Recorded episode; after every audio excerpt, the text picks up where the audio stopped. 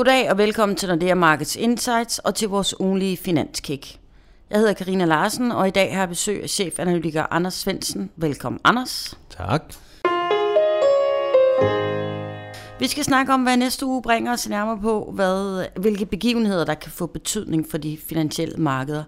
Men hvis vi lige starter med et lille tilbageblik over, hvad der skete i den forgangne uge, der havde vi blandt andet et vigtigt OPEC-møde, og der blev de endelig enige om at lette trykket på pumperne og reducere olieproduktionen. Øh, som ventet, der fik det olieprisen til at stige, men øh, hvad var det mere konkret, der blev aftalt, og hvad, hvor skal olieprisen lande hen? Det er rigtig gode spørgsmål, og det tror jeg også er de spørgsmål, som, som markederne stiller sig selv. Olieprisen steg 8% på, på dagen, hvor OPEC øh, for første gang i 8 år annoncerede, at de ville øh, lave en koordineret nedsættelse af, af olieproduktionen. Og øh, olieprisen er steget en lille smule mere efterfølgende, så nu er vi oppe i omkring 54 dollar per tønde, hvis man kigger på, på den første Brent Future, mm-hmm. i hvert fald, som, som er den, øh, den, jeg lige kigger på her.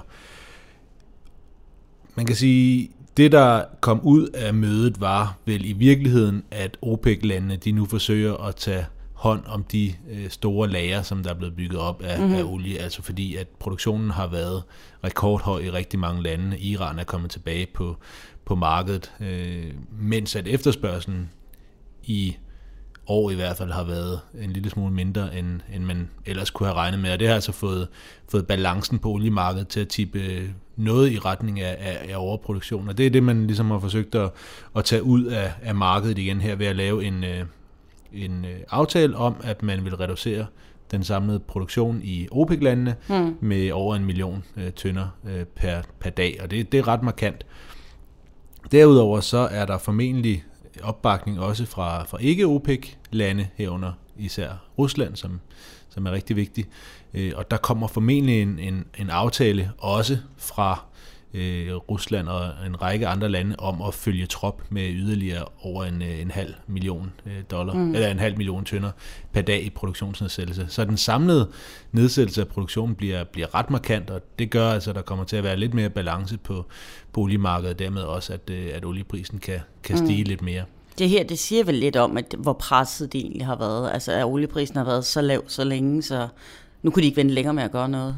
Der er selvfølgelig også en anden ting i det, og det er, at øh, vi har set de her produktionsnedsættelsesaftaler tidligere i gennem historien, og spørgsmålet er selvfølgelig, om, øh, om de lever op til det. Mm-hmm. Og det er noget af det, der bliver, bliver diskuteret lidt nu her, at det er fint nok at have et stykke papir, hvor man aftaler at sætte produktionen ned, men gør man det så også i, i virkeligheden? Og det er måske noget af det, der kommer til at påvirke olieprisen, når vi kigger en lille smule længere fremad, altså om de rent faktisk kommer til at leve op til, til de ting, som de har sagt, okay. at de vil gøre her på det her møde. Ja, for det troede jeg jo sådan, altså det var selvfølgelig, når hvis man har en aftale, så, men det er, historien viser det ikke sådan der. Det er helt sikkert, okay. og det er, der er mange, der er meget, meget skeptiske i, i forhold til det her. Okay. Hvor skal... Så er der selvfølgelig også en, en anden ting, hvis jeg ja, lige må måske, sige en ting ja. mere, og det er, at, øh, at den anden ting, det er jo, at vi stadigvæk har de her amerikanske øh, olieproducenter, ja. øh, især de her skiferolie. Ja producenter. Og der tror vi jo nu, at teknologien er ved at være så, så fremskreden, så sådan over 55 dollar per tønde, så, så vil de igen begynde at, at kunne tjene penge på at, at producere. Så jeg tror egentlig ikke, at olieprisen kan komme så meget op herfra, i hvert fald ikke på, på den korte bane, okay. altså hvis vi kigger øh, nogle måneder eller måske et par kvartaler frem, så tror vi ikke, vi kommer til at ligge meget højere end de her 53-55 øh, dollar, hvor vi, øh, hvor vi ligger nu. Mm-hmm. Øh, simpelthen fordi, at, at lige så snart at olieprisen stiger mere, jamen så vil vi få øget olieproduktion fra USA. Mm-hmm. Og vores estimat for 17, er det midt 17? Hvad, hvad kommer den ja, op midt 17 har vi 56 dollar okay, per, ja. per tønde. Ikke? Mm. Så, så det er jo også sådan cirka deromkring, øh, og vi ligger i, i 354 okay. i, i dag. Ikke? Så det er, ikke, det er ikke meget over, hvor vi, øh, hvor vi er i dag. Okay. Øh, ja, så springer vi videre. Vi fik også nogle amerikanske ISM-tal, som går for fremstillingssektoren. De steg ret pænt. Hvad skyldes det? Ja, det er ikke kun et amerikansk fænomen. Vi har i virkeligheden set øh, de her, nu hedder det ISM i USA, og så hedder det PMI øh, de fleste andre steder i, i verden, altså hvor man spørger indkøbscheferne i de store fremstillingsvirksomheder, om de rent faktisk har øget produktionen i forhold til sidste måned, om de rent faktisk har fået flere ordre ind. Mm-hmm. Så altså en aktivitetsindikator, ikke så meget en, en, øh, en, en spørgeskemaundersøgelse som, som sådan. og de, de er ret pæne, og de indikerer, at der, der begynder at komme relativt pænt momentum i, i fremstillingssektoren, og selvfølgelig er der noget Trump i det. Øh, Trump forventes jo i hvert fald at sætte gang i nogle infrastrukturinvesteringer, som jo også vil komme mm. store dele af fremstillingsindustrien til, til gavn. Men jeg tror faktisk også, at de her stigninger i råvarepriserne, de har en, øh, en vigtig rolle at spille. Og det er især øh, på grund af emerging markets, at vi har haft igennem nogle år her med meget, meget øh, kraftige fald i råvarepriserne, ja. emerging markets, som stort set har været taget ud af spillet. Altså en lang række af de store emerging markets lande, som har været i dyb recession, og en række andre emerging markets lande, som ikke har fået nogen dollar ind for de råvarer, de har solgt, eller i hvert fald ikke nær så mange, som de plejede at få. Og begge dele har betydet, at, at der har været en, en, en mindre efterspørgsel fra de her lande efter for eksempel maskiner og udstyr og andre ting, som de ikke kan lave selv, men som de typisk vil købe i, i USA eller mm-hmm. i, i Tyskland.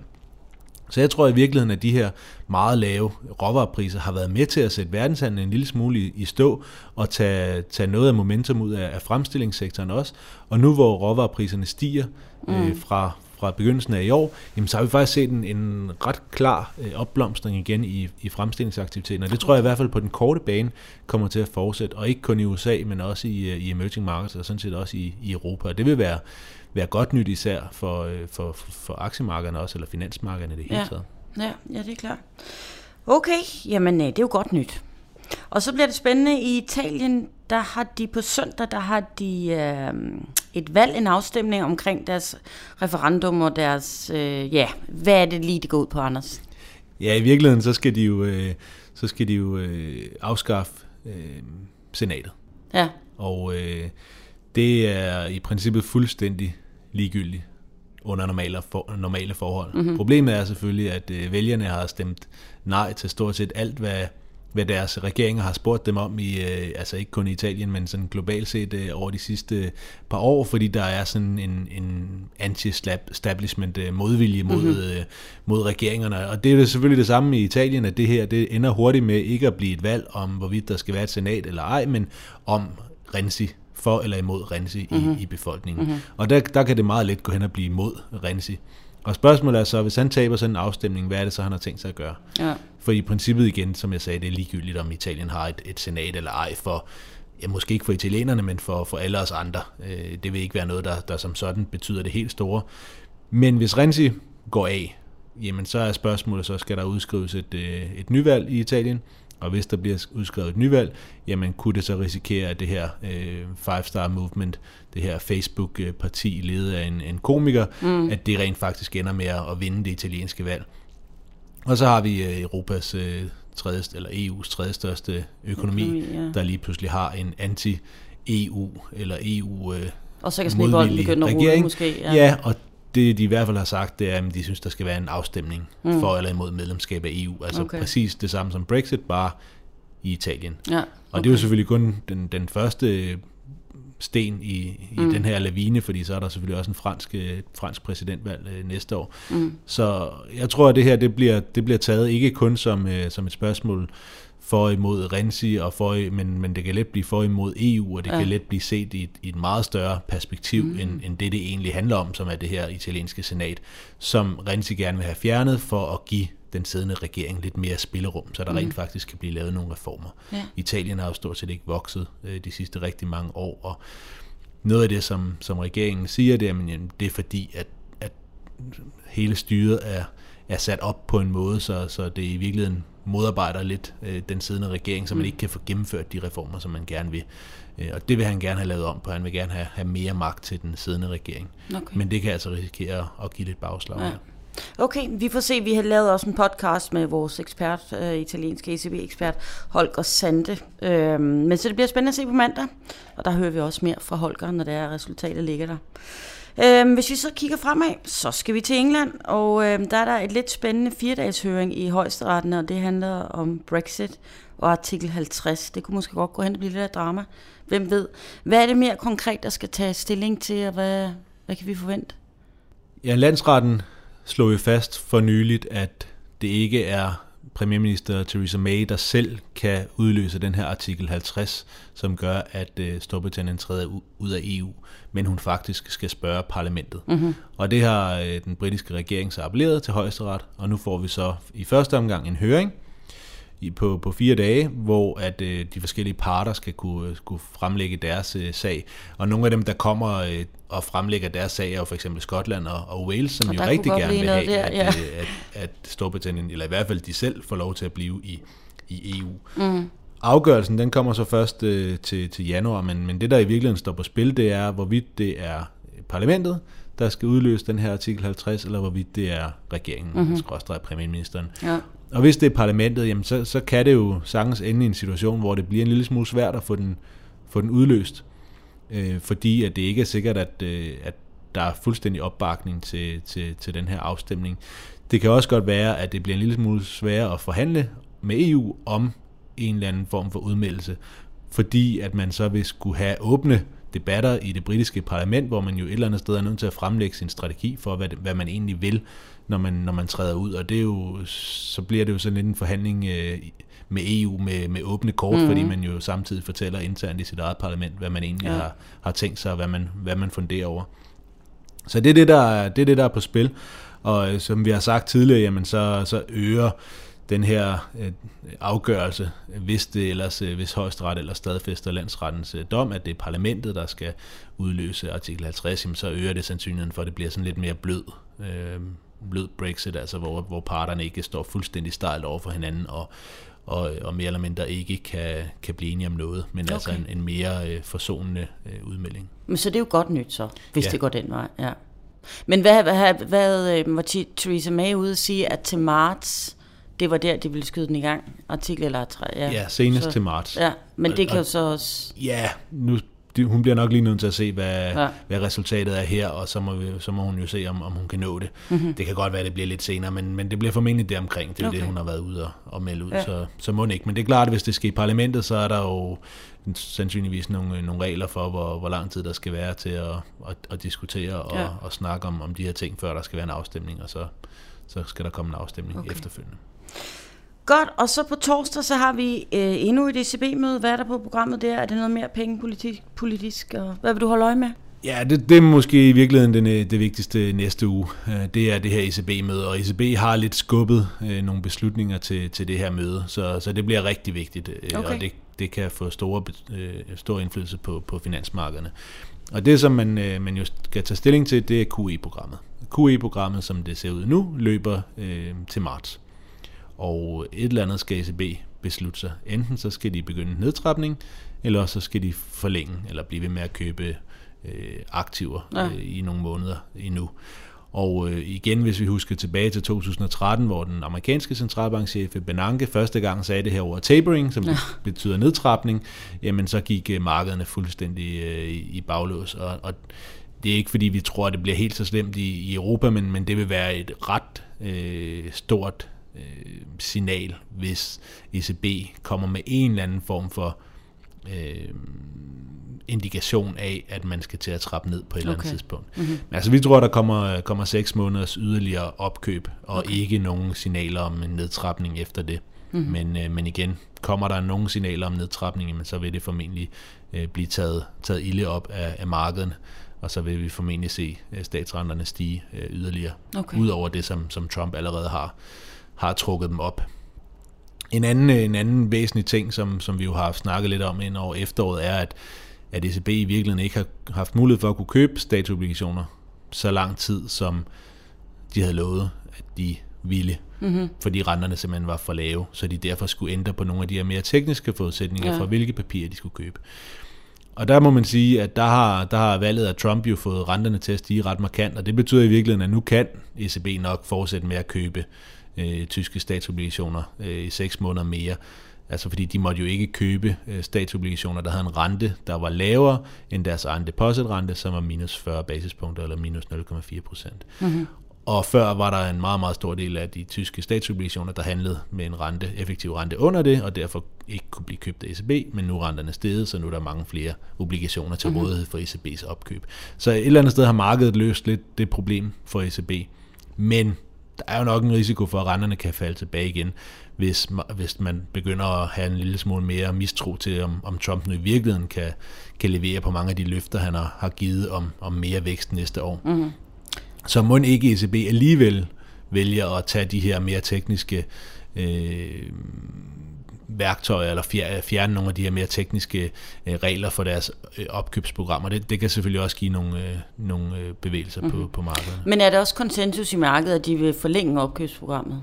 Er det sådan, for, ja? Ja, det, det er der helt sikkert, mm-hmm. og, og igen, hvis, hvis der ikke var det, jamen, så havde vi set uh, meget større rentestigninger end, end det, vi har set. Men der har jo været snak uh, indimellem, og der har været rygter fra ECB uh, om, om det her med tapering, mm-hmm. at man kan diskutere det. Det kunne for eksempel også være, at man i stedet for at købe 80 dollar, for, eller for 80 euro om, uh, om måneden, 80 milliarder euro om måneden i, uh, i statsobligationer og og andre øh, værdipapirer, at man så for eksempel gik ned på 60. Mm-hmm. Men det vil jo formentlig allerede blive set som tapering. Altså okay. det er jo det, tapering betyder, at man ligesom trapper sine opkøb ja. ned. Så selvom man kan sige, at øh, 60 i et eller andet antal måneder ville være det samme som 80 i, i 6 måneder, jamen så, øh, så vil det blive set som, som tapering, signal, og så vil markederne helt klart se det signal, at okay, det her det er første skridt mod, okay. at der skal købes mindre op, og det næste skridt, det kommer så øh, på et eller andet tidspunkt, og, og vi er på vej til, at ECB ikke længere skal, skal købe op. Mm-hmm. Spændende, det er en følsom størrelse, det må man sige.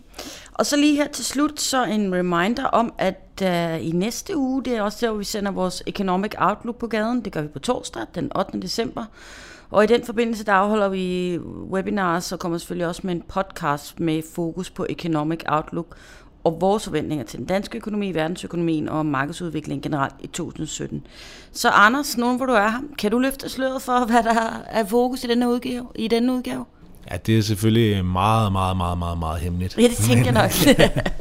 men nej, jeg tror, at øh, noget af det, som, øh, som vi ser som det helt store fokuspunkt for næste år, det er jo nok effekterne af, af, af Trump som amerikansk præsident. Ja. Og der har vi jo lidt øh, nogle markeder lige nu, som, øh, som har fokus på to temaer, hvor det ene tema er det her med vækst og jobskabelse, altså man har fået en forretningsmand ind i mm-hmm. det mhm. hvide hus, og han skal nok kunne skabe noget, noget vækst. Men også at det så betyder flere renteforholdelser fra, fra den amerikanske centralbank. Det betyder, at mange af de her metalpriser jo er, er steget, fordi at der skal bygges øh, noget infrastruktur mm. i, i USA. Så det er sådan det, det ene tema, og det der egentlig har været positivt også for, for aktiemarkederne, der jo godt kan lide, kan lide vækst, men også har trukket statsrenterne op, fordi det selvfølgelig også kan give en anden form for, for inflation. Mm-hmm. Og så er det andet tema, som har været det her enden på globaliseringen nærmest øh, efter, efter Trump, altså at Trump måske vil gøre alvor af truslerne om at lægge 12 på kinesisk producerede varer, mm. på meksikansk producerede varer, vil forsøge at genforhandle stort set alle de handelsaftaler, som, som USA er en del af. Og det er jo noget, der har været rigtig negativt for, for emerging markets. Det er noget af det, der har holdt oliepriserne meget mere tilbage end, end mange af de her metalpriser. Og jeg tror, det bliver sådan lidt en kamp mellem de her to temaer, fordi de hænger ikke sammen. Altså mm-hmm. hvis, hvis han virkelig gør alvor af og, og, og lave en handelskrig med Kina, jamen, så kommer der ikke mere vækst i USA, det er helt sikkert. Ja. Og på den anden side, hvis han virkelig øh, lykkes med at få skabt vækst, jamen, så bliver det positivt for hele verden, mm-hmm. fordi USA er øh, stadigvæk den største øh, endeforbruger i hvert fald øh, i, i verden, og, og derfor så bliver det også godt for emerging markets, det bliver også godt for Kina, hvis han lykkes med at skabe, skabe mere mm-hmm. vækst. Så, så der bliver lidt en kamp mellem de to, men, men vi vil nok kigge en lille smule på, hvad hvad, hvad, hvad globaliseringen øh, står over for i, i det kommende år, og hvad, hvad Trump i det hele taget kan betyde for, ja. for, for verdensøkonomien. Mm-hmm. Der er mange ubekendte der, det bliver spændende. Det må man sige. Ja, men øh, vi får se, hvad der gemmer sig den 8. december. Tak skal du have, Anders. Det var så lidt. Så udover Economic Outlook webinar, så har vi også et webinar på mandag vedrørende afstemning om det italienske referendum med chefanalytiker Holger Sande, der analyserer udfaldet og betydningen af valget på økonomien og finansmarkederne. Så du kan tilmelde dig vores webinars på henholdsvis mandag og torsdag på emarkets.nordea.com. Her finder du også al vores research, og så kan du som altid finde vores podcast på nordeamarkets.com Insights. Du kan også abonnere på vores podcast, så, de snart, så du får dem så snart de udkommer. Og så kan du som altid besøge os på LinkedIn og følge vores analytikere på iTunes og Twitter. Tak for denne gang og på genhør.